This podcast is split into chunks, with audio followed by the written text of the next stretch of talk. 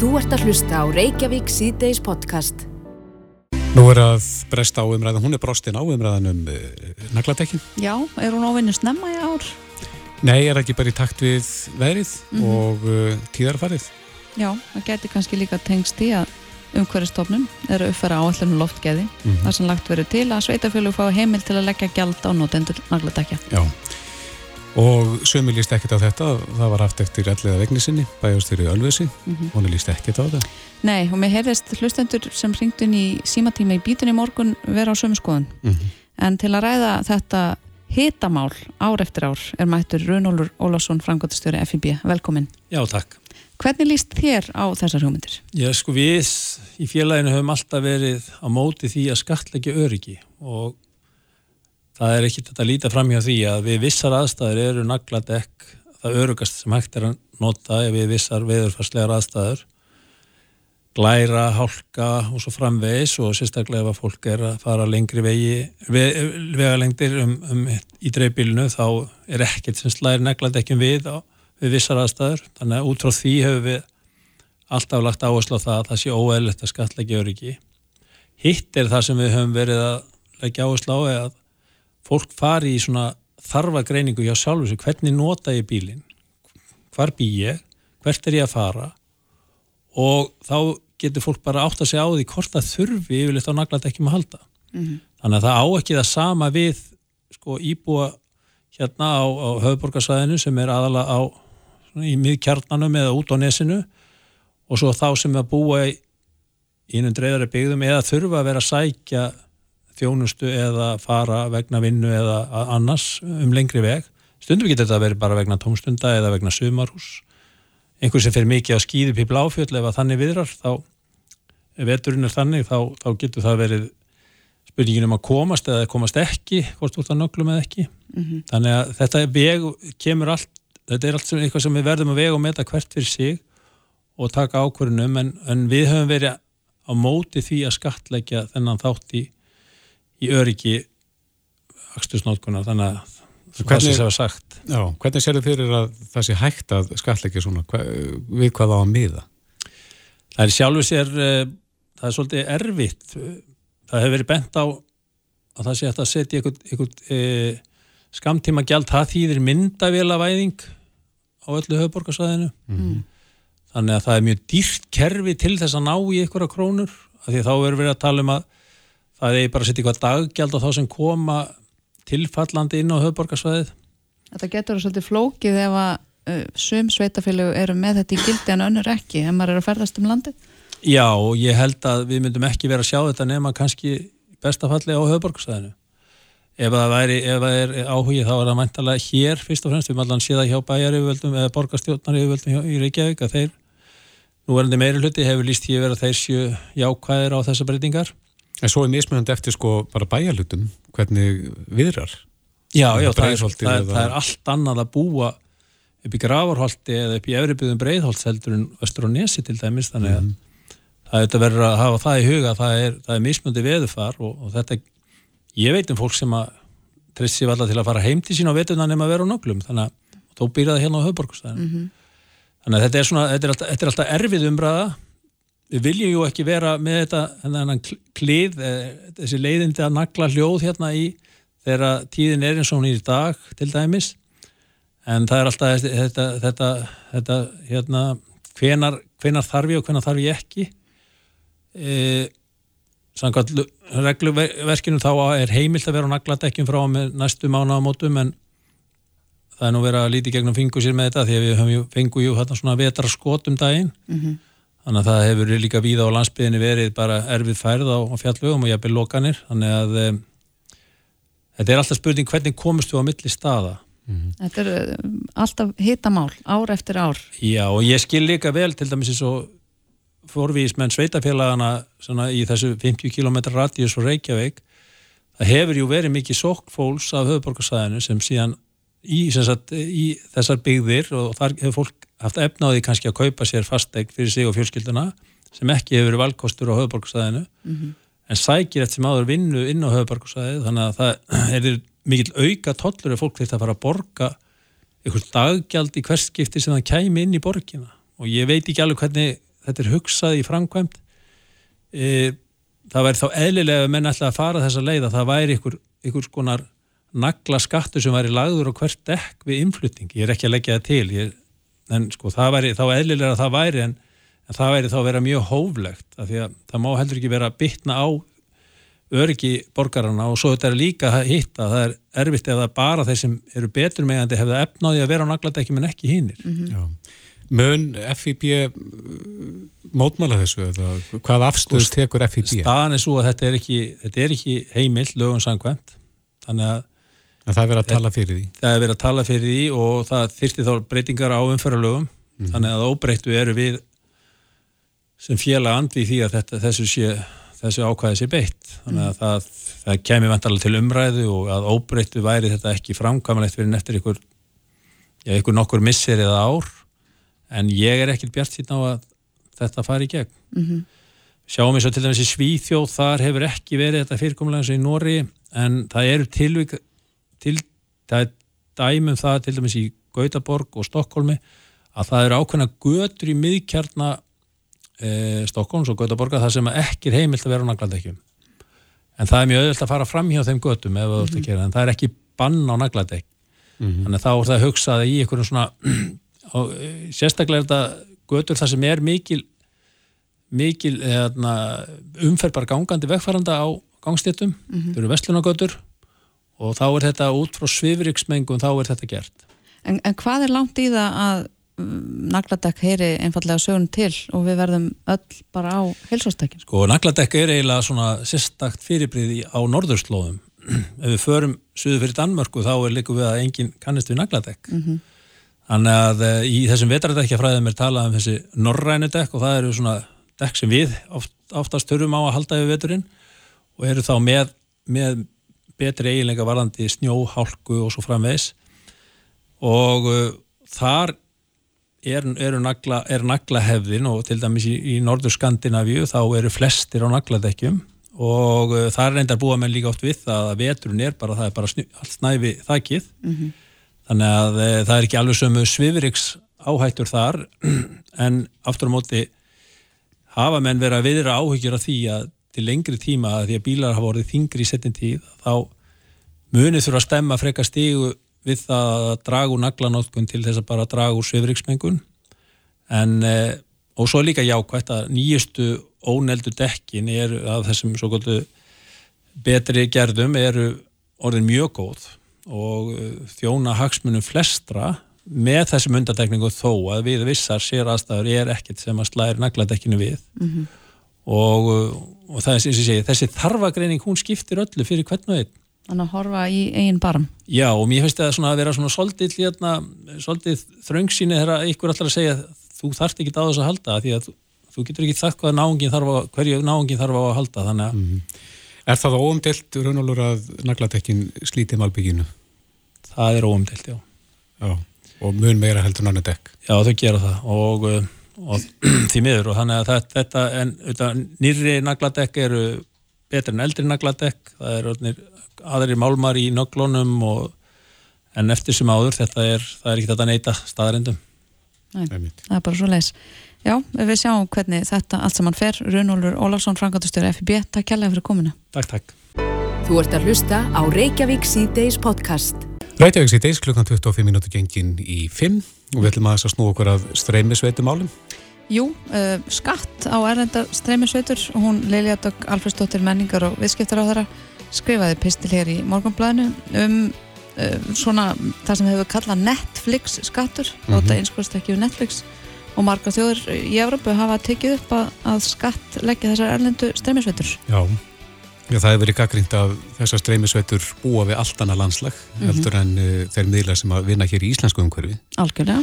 Og sömur spyrja, hvað er ekki löngu búið að koma þessum skatti á? Lilja Dögg Alfredsdóttir er komið til okkar, velkomin. Komið nú sælublessið. Jú, eh, við sem sagt eh, erum auðvitað mikið að byrja okkur saman með Norrlöndin og norm, eh, Danir voru að kynna þannan 6% skatt á streymisveitur núna á síðasta vorþingi. Mhm. Mm Það sem hefur eins og að gæst í kjölfarið er að samskiptið er að við e, Rísan fóru mjög hratt vestnandi og e, streymisveitur Rísin e, fór í það að aftur að í raun og verið að vildi ekki að það væri bara einhver viðskipti við Danmörk Ætluðu bara að loka Netflix Ætluðu í bara, Danmörku? ég ekki loka Netflix heldur bara þeir voru að taka upp það þú veist, Danir standa mjög framalega eins og þið þekkið varandi kveikmyndagerð og annað slíkt Mhm. þannig að það er ekki búið að samþykja þessi lög í Danmörku Alltaf menn að beigja sig. Nei, ég, ég ætlaði með þetta að fara að segja sko, þrátt fyrir þetta, þá tel ég að, að ríki eigi alls ekki að gera það vegna þess að það sem bara því þekkið mjög vel að sagt, rekstrar eh, umhverfi, fjölmiðla eh, er búið að gjörbreytast á þessum 10-15 árum og í mínum huga er algjörlega nöðsilegt að þessar streymisveitur eh, hvort sem það séu Netflix eða Disney, Disney Plus eða YouTube að það gildi sumu lögmál um þar að segja innlenda aðeila og þessar erlenda aðeila sem er að koma. Og það sem við, ég hefur að gera sem menningamálur á þeirra eru þetta bæði að, sagt, að hugsa okkur hvaða skref getur við tekið sem ganga alveg upp? Og við séum ekki að fá það einhvern veginn í, í hausinn. Og þá auðvitað gerum við það best í samflóti með þjóðum en, en erum öðrum þjóðum en erum samt ákveðin í því að þetta er okkar pólitík og þetta er okkar stefna. Og það sem ég var að kynna uh, ég kynnti fyrir ríkistjórn í það síðustu viku hvað er að gerast í Evrópu og það sem er til að mynda þar er að ég til að mynda að við bara frakkar ég meina frakkar eru með stundisveit er 15%, nei, 15 skatt. Það fyrir eftir því bara hvernig efni er verið að framleiða hjá streymisveitunum. Og við bara sjáum það að ríki eru, uh, eru að gera þetta Það er mjög mismunandi hver prósentan er. mjög mismunandi, Sviss sem er 4% Þískaland 8, nei, 1,8 til 2,2 og það sem ég er að segja aðrir eru að gera þetta, við þurfum að gera þetta að því að við viljum uppluga innlenda kvikmyndagerð. Og- við viljum uppluga innlenda fjölmiðla og við þurfum meiri fjármunni inn í e, þessa geira til þess að ná að, að blómstra. Að því að auglýsingar hafa í ríkara mæli verið að fara inn á YouTube ég meina, En, en Lilja, við heyrum svo oft ykkur tala um það að við viljum sterka innlenda miðla. En svo bara gerist ekki neitt. jú, jú, við til að mynda allar nú bara leiðrætta þig við settum uh, í fyrsta sinn eru styrkir til fjölmiðla það gerist á síðasta En kjörstum hvernig væri bara að jafna stöðuna milli miðla? hvernig viltu að hún sé jöfnuð? Já, til dæmis að, að þessar erlendu streymisveitur þurfi að gangast eftir sömu hvaðir og innlendi miðlar. Uh, þá áttu við hvað? Já, til dæmis með, með textun og, og slíkt. Já, e, það er alveg rétt að ég er alveg sammála á því og liður í auðvitað þessum hérna aðgerðum og það sem ég er að kynna núna og samstarfið fjármálaefnaðisraðanitið er auðvitað til þess að reyna jafnisa aðstöðu og fá aukna fjármunni inn í þennan geira. Þannig að ég er alveg sammálaður að við getum gert meira. Hvað með vinnusöka skatt fyrir ekki á, á hérna, áskriftakjöld? Eh, en ég hafna því algjörlega við sem ekki að gera neitt. Svo það, ég segi það alveg skýrt. Mm -hmm. varðandi virðisaukaskattin að þessar streymisveitur eru að greiða virðisaukaskatt. Eh, sem nefnur í kringum 3,5 miljörðum á ári. Það sem er hins vegar eh, ekki í lagi og ég hefur að beita mig fyrir og vonast þess að núna á næstu missurum að við sjáum einhvern árangur í því er að ef þú ert að auglýsa, þú veist, innlendur aðili og þú ert að auglýsa hjá erlendir streymisveitu eða YouTube þú greiðir ekki vask eins og þegar innlendir aðilar eru að auglýsa hjá ykkur. Og það er eitthvað sem við verðum að jafna en við höfum verið að taka sk- skref eins og þau, þessar streymisveitur er að greiða verið skatt við höfum verið að setja styrki í fjölmiðla. Hva- við höfum á síðustu missurum verið að, að minka auglýsingamagn og, þre, og þrengja, við höfum verið að þrengja að, að rúfarandi auglýsingar. En hvaða streymisveitur er að borga virðisaukan? auðvitað Netflix er að gera það. Ég held að Disney Plus er að gera flesta streym, að, það streymisveitur sem eru, þar sem Íslendingar eru í áskrift eru að greiða virðisaukaskatt. Og YouTube uh, Premium líka? ég þóri ekki, að ég er nú ekki með skallarninga valdi og ég vil líka bara hérna, eh, taka það fram.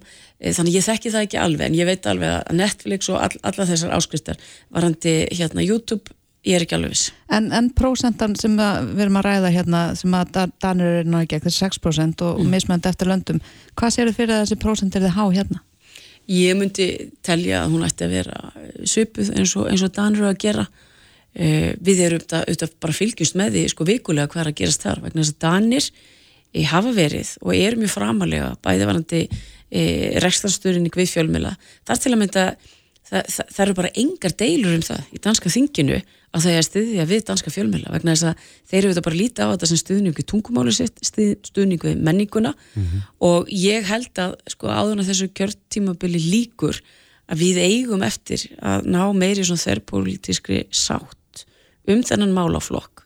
Þannig að við sjáum eitt er að nú mikið talað um það að orðaforði barnan okkar sé að minka það sem er líka að gerast er að, að lestur barna á, eða ungsfólks, ekki barna fjölumvila lestur þeirra hefur minka stórkostlega á síðustu fimm árum.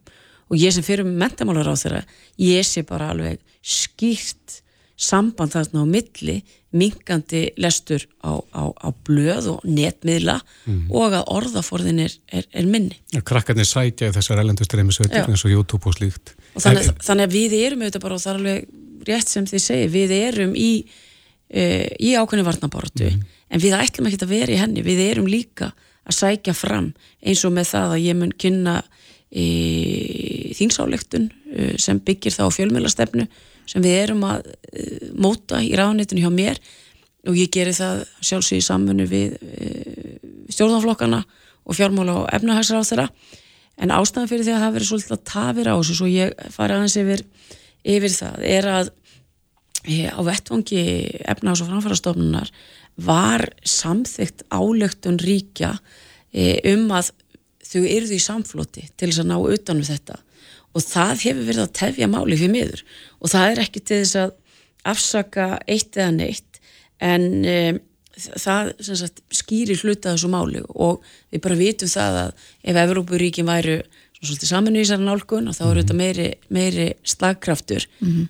en okkar sína á þetta eru þetta svo að, að þegar þessar veitur eru svo mikið inn í bara segjum bara okkar efnags eða okkar lögsögu að þær eigi að greiða þá til samfélagsins. Mm -hmm. Vetum við hversu margir eru áskrifundur að Netflix til dæmis? Ég gerði smá ekki... konun á netin, ég reyndi að googla þetta og, og það næsta sem ég, ég kemst er svona áætlun að þessu 50.000 sem að greiða áskrift. Já, það kemur ekki óvart, það væri að það væri svo sko. En, en, en fyrirgeðu Kristófur, ef við myndum taka þannan 6% skatt sem myndur svo skila sér þá inn í bara Íslandst menningarefni mm -hmm. uh, vitum við eitthvað hvað þessi uppað geti orðið há á ásbasis? Nei, ég menna það, það fer uh, eins og þú segir sko eins og Kristófur að segja ég menna það ef þetta segjum að þetta séu 50.000 áskrifundu þá er þetta, þetta ákveða álag á þessa uh, þessa áskrifundur sem myndi segja að það ég menna þá fer þetta í, í hæra áskriftagjald en ég, ég segja á móti auðvitað vonum við ekki uh, en við stýrum því ekki. En ég held eins og að ávinningurinn af því að í raun og veru líka bara að senda sér skilabóð eins og þetta andru að gera og að halda vel utanum uh, sín, sín, sína menningu sé bara miklu meira ávinningur á því en að, að taka ekki þennan slag. Og ég bara verði líka að segja það að ég, meina, ég sendi bref á, á framkvæmtastjóra og fórstjóra Disney á sínu tíma að segja heyrðu, við eigum fullt að talsettu efni eru þau ekki til í að og textuð, eru þau ekki til í að bara taka tillit til þess og þessa málsvæði sem er nú ekki stærn en það er? Og viðbröðin bara hafa verið mjög góð. Og annað bara sem ég nefna því við vorum að tala um uh, það sé ekki, kannski ekki nægilega mikið að gerast að mm -hmm. við sjáum til dæmis að Netflix er að koma hérna með risaserju True Detective. Er bara þessi e, sambönd og samskipti sem við eigum núna við þessa e, risa er, er auðvitað þannig að þeir eru að skila sér í því að til að mynda að e, HBO hefur áhuga á því að styðja við e, tækni nám eða svona nám varandi tæknibrellur hjá listaháskólan mm -hmm. af því að þeir segja okkur vantar fleiri svolítið sérfræðinga sem kunna að, að nýta sér það sem er að gerast í kvikmyndum og það sem er að gerast í, í, í tölvuleikjum. Við þurfum fleiri svolítið sérfræðinga að því að það er mjög gott að vinna hér á Íslandi. Bæði er stuðniskerfi gott og hér eru bara opbóslega flink, ef fólk er mjög gott í því að framlega kvikmyndir og líka tölvuleiki. Við viljum koma að þessu og við viljum taka þátt í þessu. Þannig að við erum allt í orðin komin í, þeirri, komin í þá stöðu að svona, svona bein erlend fjárfesting í hugviti sem, sem kvikmyndir eru þetta er að auka stórkostlega og í mhm. þessu, þannig erum við í sókn en ekki í vörn Já, aðeins að þessu sem við byrjum að ræða hérna áðan með þessar hugmyndur um skattin mm. uh, verðum við að býða eftir hinn úr Norrlöndunum eða, eða er þetta eitthvað sem að þú getur bara tekið upp sem er á þeirra og, og vaðið í málið? Þetta er eitthvað sem við fjármála efnaðisráð þeirra myndum gera vegna skatlækningin er hjá fjármála efnaðisráð þeirra En hangir það á því sem að hinnar þjóðurna gera? Einhver leiti og einhver leiti ekki vegna þess að við getum ekki bara beðið og beðið og við hefum alveg rætt það það sem sumríki hafa verið að gera í stað þess að kannski að fara með setja þetta í að tala um skatt hafa orðað þetta sem menningar framlag mm -hmm. og hefur þá kannski ekki verið sér 6% en kannski eins og Sviss hefur verið að gera hefur verið kringum 23% mm. Og það er eitthvað sem ég geti gæst sem menningar málar á þeirra og setja þetta í það form mm -hmm. og þetta er eitthvað sem við erum á þess eh, hópur starfsópur sem eru að vinna á millir þessar tvekja ráðanleita til þess að taka ákvörðun um það hvert er fyrsta skrefið sem við stígum í þetta en það eru allir öll ríki að stíga þessi fyrstu skref mm -hmm. ekki bara við Þannig að um, staða málsins núna er að það er inn í starfsóp þannig að hvenar gætu við hugsanlega séð þetta verða veruleika? e, eða myndi, einhvers konar frumvarp? Já, ég myndi auðvitað vilja sjá að við myndum fá svona fyrstu niðurstöður í, í síðasta lagi fyrir jól og, og við gætum þá verið að vinna frumvarpi á vormesseri mm -hmm. Einmitt, Lilja Dag Alfredsdóttir kæra þakki fyrir komuna og kankiði vel í þessu verkefni. Takk sem við leiðis Þetta er Reykjavík C-Days podcast. Já, þá er klukkan 8 myndu gengin í 6 og við ætlum að snú okkur að morðum mm -hmm. fyrir þá sem er að keira heim úr vinnun eftir langan dag Einmitt, við Íslandika tökum ástóstir við ímestlegt mm -hmm. ég man þegar að Squid Game Já. var eitt vinsalastefnið á Netflix Sprengti alla skala Já, svolítið á morðum þar mm -hmm. en e, nú er það raðmóringin Jeffrey Dahmer sem á huga hjörstu Íslandika Já, allavega heyr ég mikið talað um það í kringum mig að e, fólk hefur algjörlega sokkis í þessa leiknu þætti mm -hmm. um hann og farið síðan í að skoða alls konar heimildar þætti um hann og aðra raðmórðingja mm -hmm. alltaf til uh, allskyns efni þessu tengt alls konar uh, þættir um óleist mál eða raðmórðingja, fjöldamórðingja veit ég hvað hvað Af hverju eru svona hrifin af mórðingjum og þessari spennu? Já, og svaraði nú Elva Björk Ágústóttir, kennari og stjórnandi hlaðartsins Popsálin, velkomin. Takk, takk, takk fyrir að fá mig. Þetta er svolítið stór spurning. Já, mér þetta svolítið fyndið að vera þarna því að ég sjálf horfi ekki á þessu þætti en ég er mjög upptekinn af því af hverju við erum svona upptíkin af þessu. Mm. svo hef ég engan áhuga á þessu sjálf, ég hef ekki horta á þessu þætti og ég hef ekki dottið í þetta en svo kenn ég áfanga sem heitir réttasálfræði þannig ég er alltaf að tala um áhuga okkur á morðingum og svona en einhvern veginn hef ekki náð sjálf að fara þanga, ég er miklu meira í einhverju svona ástarunveruleika efni. Það er svona mitt go to sko. En er það, er einhver hlut að þess að við viljum reyna að skilja þetta fólk? Já. Sko, eh, kannski byrja á því að þetta hefur í alveg ekki verið mikið rannsakað, svona af hverju við höfum rosalega mikið áhuga á þessu. En í rættinu sinni við hana Margreði uh, Valdimarsdóttur sem er doktor í ábreytafræði og hún svona frætti maður um þetta því hún er algjör snillingur í þessu og hún var að tala sko bara í fyrsta lagi bara almennt höfum við áhuga á fólki. Við höfum áhuga á okkur og af hverju við gerum það sem við gerum. Og við höfum líka bara áhuga á svona því sem er hans út fyrir normi. Þetta er svona sveipa eins og við kannski erum að keira og við sjáum bílslis eða eitthvað, við hægjum á okkur við erum að skoða, við höfum áhuga á því sem er svona kannski, já, aðeins út fyrir normið og við höfum alltaf haft áhuga á þessu. Bara frá því vorum til dæmis bara krakkar munið þegar við vorum að hlusta draugasögur og svo leiðis mm -hmm. þannig að við höfum alveg lengi haft áhuga á einhverju sem kveikir á einhverjum tilfinningum hjá okkur. Þetta kveikir á svona tilfinninga um, svona spennu tilfinningu hræðslu og óta og svo leiðis þannig að það er kannski ein hugmyndin. Um, það er annað sem að, það er margt annað samt við þetta sem ég finnst líka mjög áhugavert svona frá sálfræðilegu sjónamiði og eitt er líka sko að við erum í fyrsta lagi það er bara óbúslega mannlegt að hafa áhuga á þessu. Það er líka bara mjög mannlegt að hafa áhuga á því sem við óttumst mm. og ef við hugsaum þetta út frá svona hvernig hugurinn okkar virkar þá erum við stundum í hugunum bæði meðvitað og ómeðvitað að undibú okkur undir það sem gæti gæst mm -hmm. Erum við að reyna að læra sagt, af reynslunni og, og hvernig við erum að bregðast við? Já, í rauninni og bara ómeðvitað, ég held að við setjumst ekkit niður og horfum á þess að þætti á Netflix og hugsaum ég að nú ætla ég að læra við, veist, þetta, er, þetta er bara ómeðvitað erum við að taka eitthvað inn og sömu vilja meina að þess vegna er svona smá kynjamunur líka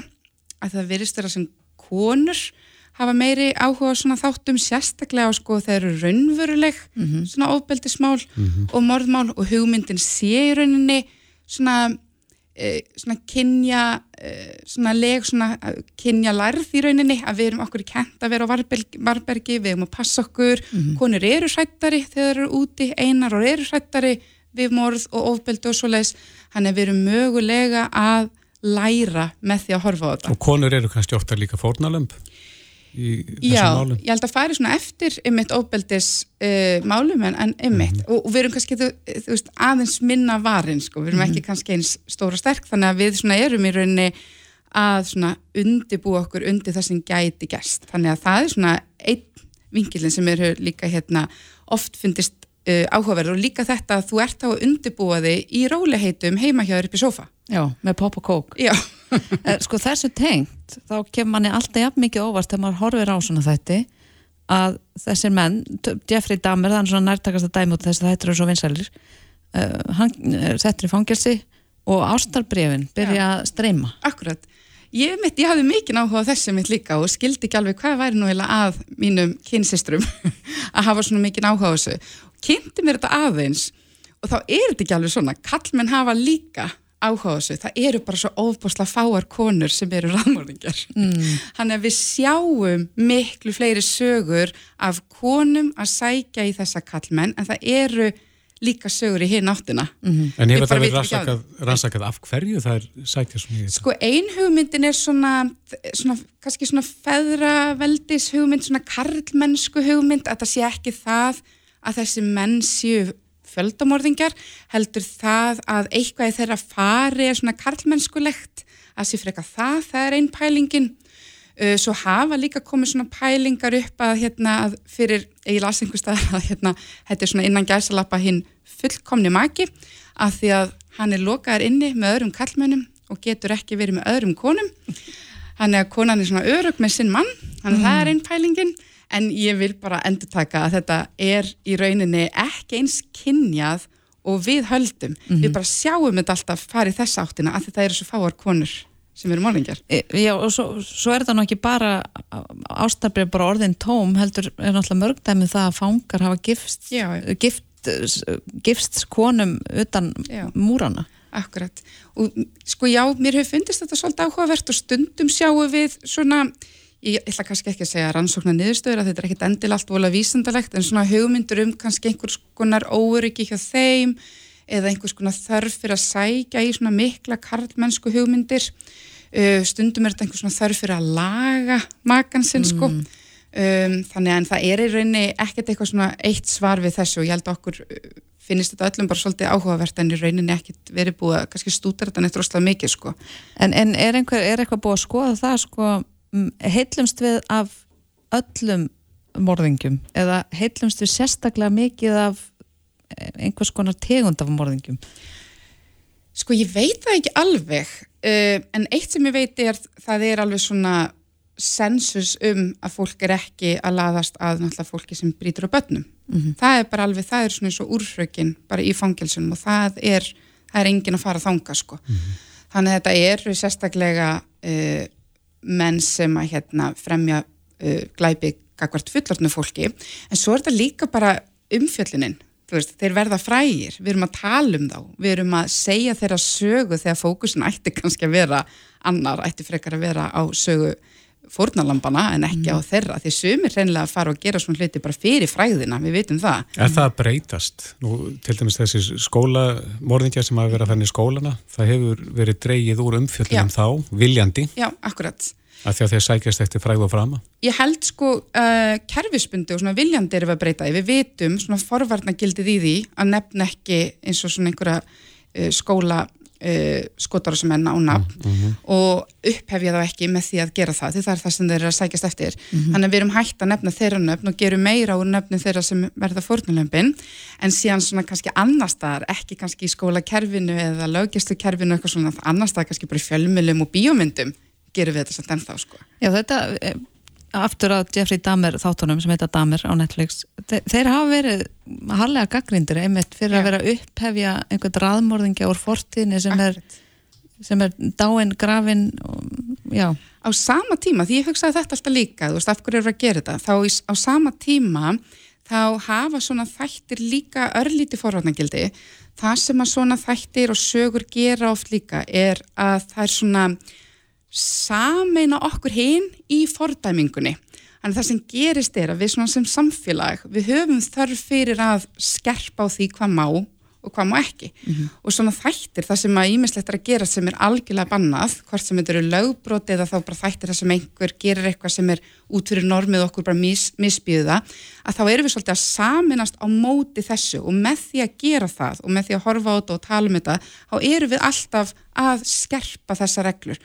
Og ég sá þetta svo skýrt í COVID, hvernig við einhvern veginn öll saminumst gegn því að brjóta sóttvarnarreglur og við urðum öll alveg bara svona brjálið að brjóta sóttvarnarreglur það var í rauninni skerpun á reglunum með því að við sem samfélag erum að tala um það sem má ekki. En að mögulega hafa þessi þættir þarna örlítið svona forvarnagildi En, en er þetta eitthvað, við, eins og sagðir hérna í upphafi, við höfum alltaf haft áhuga á einhverju sem að kannski vekur óta og, og undibýr okkur ef eitthvað gerist, Já. sko. Eh, Þannig að þetta mun kannski bara fylgja okkur alltaf. ég held það, ég held það að því að svona sögur um drauga og alls konar hafa alltaf gert það ég held að hætta ekkert sko En eins og fordæming á þessum damer þáttum heldur að um, við munum kannski breyta einhvern veginn, ég veit ekki hvernig ég orða þetta, heldur að muni breyta einhverju? Ég veit það ekki alveg, en mögulega, þú veist, fer fókusin örlítið meira á uh, fórnalömpin og við erum farin að sjá það. Það eru þættir það sem að stór, uh, stór, hluta, stór partur af tímanum fer í bara að byrta nöfnin á fórnalömpunum og svoleiðis og það verður smá fókus og alveg eins og með þættina um það sem gerast út í útegi í Noregi og svoleiðis, þá eru sumi þættir bara fókusir á fórnalömpin en ekki á Anders Breivik sem var skotmaðurinn. Þannig að uh, það er alveg hægt að gera mjög áhugavert sjómasefni með fókusin á fórnalömpin frekar en, en árasamannlinn sko. Ef við strykum aðeins undir, uh, þá erum við hrifin að þessu vegna sem við erum að læra og kannski undirbúa okkur undir það að, að sleppa ef, Já. að, eða, ef að rauðin kemur okkur. Einmitt, svona ómeðvitað, ég held við set, eins og segi, við setjumst ekki niður og gerum þú vilja, viljandi sko. akkurat. Elva Björk Ágústóttir, kennari og stjórnandi hlaðarpsins eh, Popsálin. Kæra þakki fyrir komin. Takk fyrir mig. Þetta er Reykjavík C-Days podcast. Þú varst nummer 1250 í rauðinni. Þetta er yfirskrift Málþings ADHD samtakana og Það er löng röð. Já, ég held við getum svona getur okkur til um hvað þetta vísar í. Mm -hmm. Það er náttúrulega langur byggtími eftir að fá greiningu, Já, 2-3 ár mm og uh, þetta hjá málþing... hinn opinbera sem sagt. Jú, hjá hann opinbera. Akkurat, en það er nú hægt að, að fara fram fyrir ef að fólk vil greiða þá meira fyrir. Já, það kostar, það kostar skildingin Já. og þetta málþing ADHD samtakana fjallar einmitt um samfélagslegan kostnað bygglista og ómeðhöndlaðs ADHD í samfélaginu Mm og hún er sest hérna hjá okkur Hafdís Rönn Hafstinsdóttir þingkona framsóknar flokksins, velkomin Takk fyrir. Eh, Þú ert á mælendaskrá á þessu málþingi Já, svo sannlega ég fekk hann heiður. Og yfirskrift þíns erindis er einfallega bara reynslusaga Já, hún frekar opið já, það er mjög opið. Ég, hérna, ég sagt fór og hitti uh, Hrannar hjá ADHD samtökunum þegar ég sagt kom inn að auktíman um daginn og var að uh, kynna í rauninni þess að þingsálutunum til lög sem ég var að leggja fram um í rauninni skildubundna ókipis fræðslu fyrir fóröldrabarna sem greinast með ADHD Mhm. til þess að við getum betur greipið um það allt sem hann og börnin og heimilið. Uh, þá fór ég að hitti hann og fór svona aðeins að segja honum frá því bara hvaða hvaða sín ég hefði á þetta og reynsluna mína af því að ganga í gegnum þetta og líka með bara barn að uh, þá einhvern veginn uh, fekk ég síðan bara símtal frá honum og fekk þann heiður að fá að segja svona hvernig þetta er búið að vera mm. Hvernig er þetta búið að vera? þetta er, uh, hvað ég segja, ég fekk greiningu 21 ást, þannig ég greinist fyrir eitthvað seint, bara á fullorðsaldri þegar ég ákveða að skrá mig í bóknám aldrei veginn, náði aldrei veginn að fóta mig í bóknámi, ég var kvatvís, fljótfær, svona klaufsk og tók svona alls konar ákvarðinni sem voru misgáfilegar en margar hverja skiluðum mér alveg ótrúlega bara skemmtilegri lífsreynslu og bara, mm -hmm. hvað sé ég, ótrúlega skemmtilegu tengslanandi líka mm -hmm. en það hjálpaði mér ekkert með nám að vera með ADHD, það var svona freka mikið mikil fjárverða þegar að mér fór að leiðast sko mm -hmm. þá allt í hennu gæti ég tekið upp á því að bara rjúka stað og rjúki bæin við sá okkur Facebook-auðlusingu sem ég leist vel á mm. en það er á kvartvísin Já, alveg, byllandi sko. Mm -hmm. Maka hlýtur nú að mitt að græða mikið á því að grípa tækifærin en það getur kannski orðið líjandi Já, þetta er já, þegar að þú, einhvern veginn þú, það er svo lítil hugar á líka þegar að þú veist, hausin er einhvern veginn á yfirsnúning sko mm -hmm. og maður getur rétt ímynda sér þegar að börn eru á byggð og eru ekki að þú veist, það er ekki verið að mæta þeim þar sem þau þurfa að bara eins og dóttir mín segir, heilin minn bara virkar öðru í sig mm -hmm. En þú fegst greiningu 21 ás Já. og fóst á lif? Ég fór á lif. Og hjálpaði það? Heldur betur. Ég náði loksins eftir margra ára tilraunir mm -hmm. þá mhm. náði ég að setjast niður og útskjáðast með BS-gráði í visskiptulagfræði og meistargráði í lagfræði. Hafður þú þá meiri eirði að lesa og, og fara í gegnum Já, það var, nánið? já, það var þessi einbyggning og þessi hugarós sem að mm -hmm. það hjálpaði til með það og þessi kvatvísi, hún er alltaf til staðar, hún er blundarinn eitthvað staðar en mm -hmm. það er ekki, ekki þannig að maður funkar ekki venjulegu lífi sko. En, en taldum venjulegt lífin en gæsalappa, uh, hvernig hafði þetta áhrif svona utan skólans að, að fá þessa greiningu og fara á lif? Það var í rauninni bara þessi ákveðna svona róð, það var ekki þetta svona hvað ég segja það var svo mikil erill alltaf í kringum mig og ég menna það er, er enginnur okkur sem er með ADHD að við erum yfirleitt mjög orku mikil mm -hmm. en það getur verið líka mjög líjandi þegar þú ert búin að vera orku mikil lengi að þá svona svolítið tæmast batterín segi mm -hmm. en það er líka bara þetta að veist ég var ekki utan við mig í umferðinu og svona náðu líka aðeins meira að já, ég var ekki að slasa mig mikið út af þegar ég var að flýta mér gegnum hörð sko, eða dyr þannig að það var og líka bara svona aðeins smá maður hugsaði aðeins hvert skrifa aðeins betur áður en maður var að æða á stað sko. mm -hmm. Lendur oft í því að slasa því? Já, það gerist alveg og það gerist alveg enn en í mun minna mæli En var það einhvern tíman alvarlegt eða erum við að tala um bara einhvern svona smá óhöpp?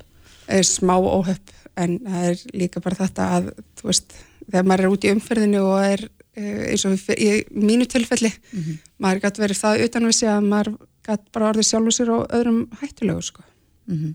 En það er einmitt eh, verið að fjalla um á þessum álþengi á morgun hjá Ati hátísöndengunum sko það er hann kostnað við þessa bygglista og að fólk sé út í samfélaginu með ómeðhandla Ati háti. Mm -hmm. Er það þá helst einmitt eh, þú nefnir slísahættu, ég menna hvaðan kemur þessi kostnaður?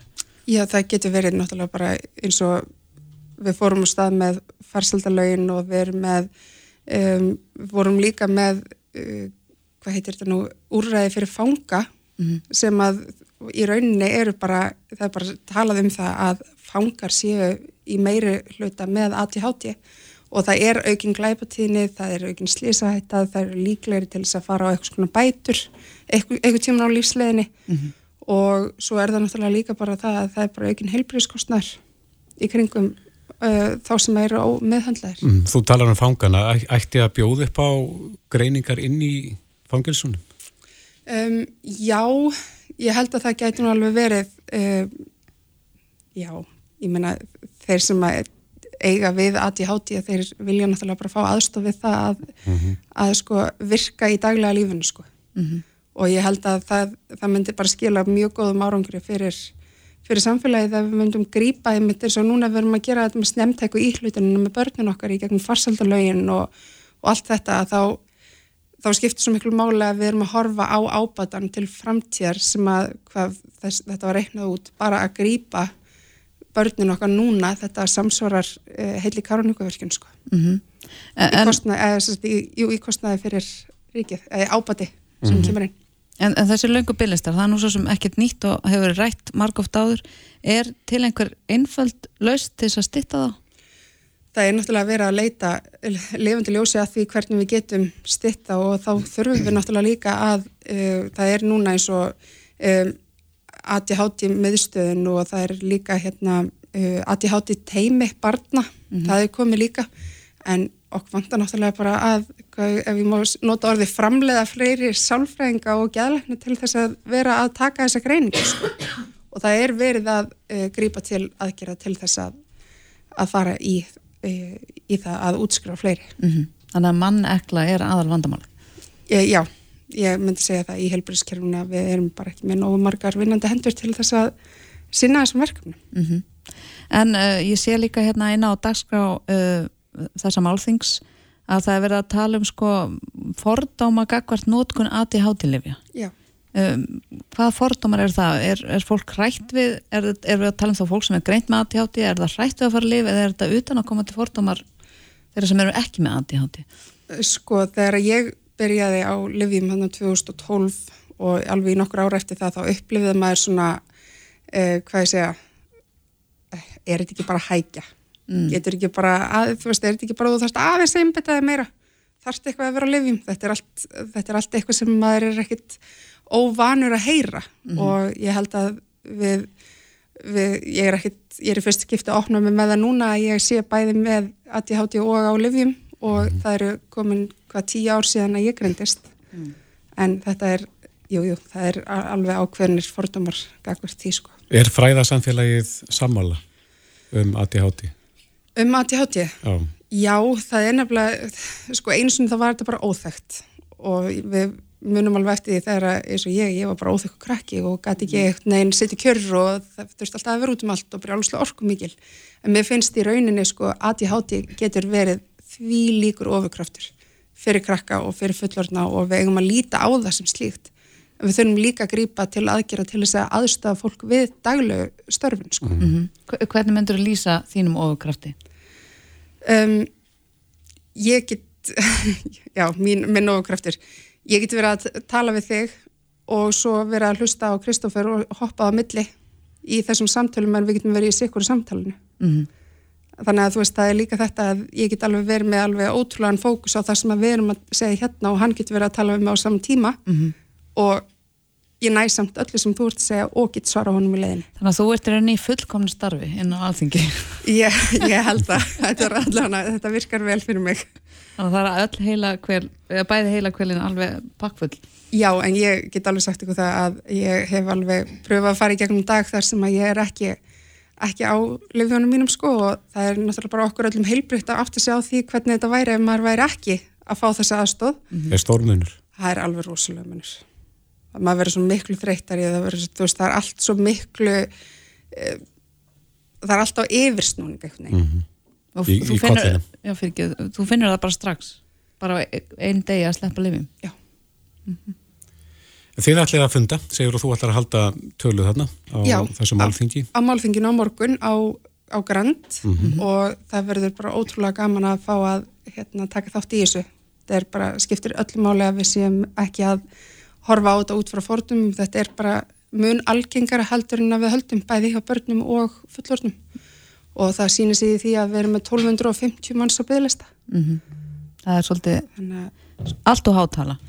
alltaf Um, um, En ég, ég er samt bjart sína að við, við náum að sexa á þessu bygglista. Ég er, ég er mjög, mjög bjart sína aðeinsfæri þannig ég ætla bara að halda mig við það. Já, það er gott. Við vonum að, að það raungerist. En þetta málþing, eins og það segir, á Grand Hotel á morgun, það er frá 1 til uh, 4 og inn á adhd.is er hægt að skrá sig á þetta málþing. og það er hægt að nálgast ímiskynningarefni líka þar sem ég hveti fólk bara til þess að kynna sér Mhm. því að það er líka bara gott fyrir okkur að skilja hvort annað og skilja fólk með ADHD því að það er bara, eins og segi, eins og dóttir mín segir heilin minn bara virkar aðeins öðri sig Einmitt. Haldís Rönn, Hafstensdóttir, þinguna Framsónarflóksins. Kæra þakki fyrir þetta. Takk fyrir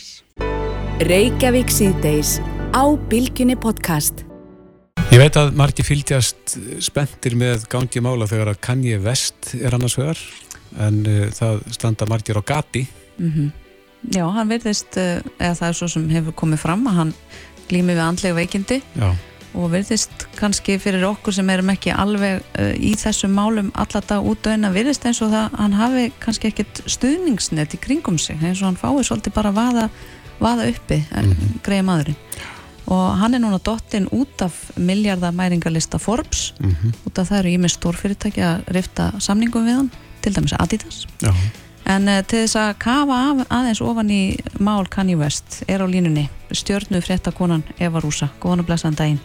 Já, góðan daginn. Þú kannski ferð bara stuttlega yfir með okkur hvað er í gangi núna með Kanye, hvað gerðist sem verður til þess að þessi fyrirtækir að rifta við hann samningum? Já, það sem ég held að sé að gera til að Kanye er það að bara hann er ekki lengur með stuðningsn eins og þú varst að segja Lilja, hann er ekki lengur með stuðningsnuti í kringum sem hann, er bara með jáfólk sem að segja bara já og amen og ber hann svona á höndum sér, bara eins og hann sé eins og hann sagði sjálfur uh, konungur getur ekki búið í annars manns kastala, konungurum þarf að búa til sinn eigin kastala og ég er ansins hættum að þessi konungur og kastali sem hann er að búa sér til, ég held að verði einn í þessum kastala. Mm. Þannig, þannig að sjúkdómurinn uh, þessi andlegi veiki, veikiti eru bara smátt og smátt að yfirtaka vitum við eitthvað með, hefur hann leitað sér hjálpar uh, uh, hefur, hann fengið liv er, er, hvað er hann nákvæmlega, hvað er að hrjá hann? hann er með bæpólar uh, bæpólar eitt að ég mann rétt. Og Kim opnaði, opnaði hérna, á þessu umræði fyrir tve, tveimur árum síðan, ári held ég áður henni skildi tveim, þreim árum síðan. Þá opnaði hann á að hann væri að glíma við bæpólar og það væri búið bara að taka rosalega mikið á fjölskyldina og það væri ástæðan fyrir að kann ég var að gera stundum hlutinu sem hann er að gera. Það er þegar hann heldur hann þurfi ekki að vera á livjónum sínum. Sem haldi sér náttúrulega í skefjum og hérna, en svo eftir hann, þú veist, ég er bara að fylgjast með hann bara, þú veist, eftir hann skildi við Kim, þá er hann bara einhvern veginn svona, hann er bara, það er engar hömlur á honum lengur, sem er núna bara, og ég held einhvern veginn, ég held einhvern veginn, það myndi aldrei gerast, en svo er þetta að gerast, og það er bara svona smátt og smátt að cancela kann ég, og ég held einhvern veginn, hann, hann myndi einhvern veginn komast upp með þetta allt saman, og ég er að velta svo ótrúlega mikið fyrir mér, af því að Uh, þú veist nú, við munum alltaf eftir þegar hann var að áreita Kim.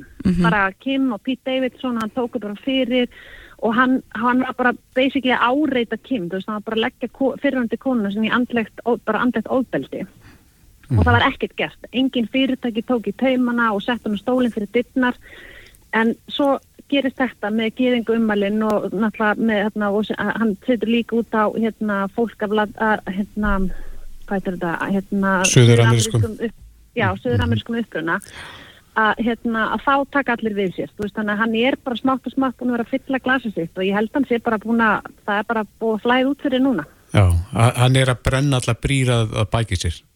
algjörlega og það er ekkit langt síðan, það er bara tvær viku síðan það sem hann sagði viðtali ég get sagt hvað sem ég vil um gýðinga og alla kynþætti sem ég vil, Adidas er aldrei að fara að segja mér upp, þeir munu aldrei segja mér upp, ég get alltaf sagt bara allt sem ég vil segja og þeir munu aldrei segja samningum okkur upp. Og, og þú veist það er því svona kaltæni ma maður tekur eftir því sko kannski svona síðustu ár þegar hann hefur uh, komið fram á sjónasviði með einhverja svona hugmyndir sem að hafa virst ekki alveg nógu vel út hugsaðar eins og að bjóða sér fram til fórseta bandrækina og þar fram til göttunum að fólk hefur svolítið bara bent á hann hleið en nú verðist þetta aðeins búið að breytast.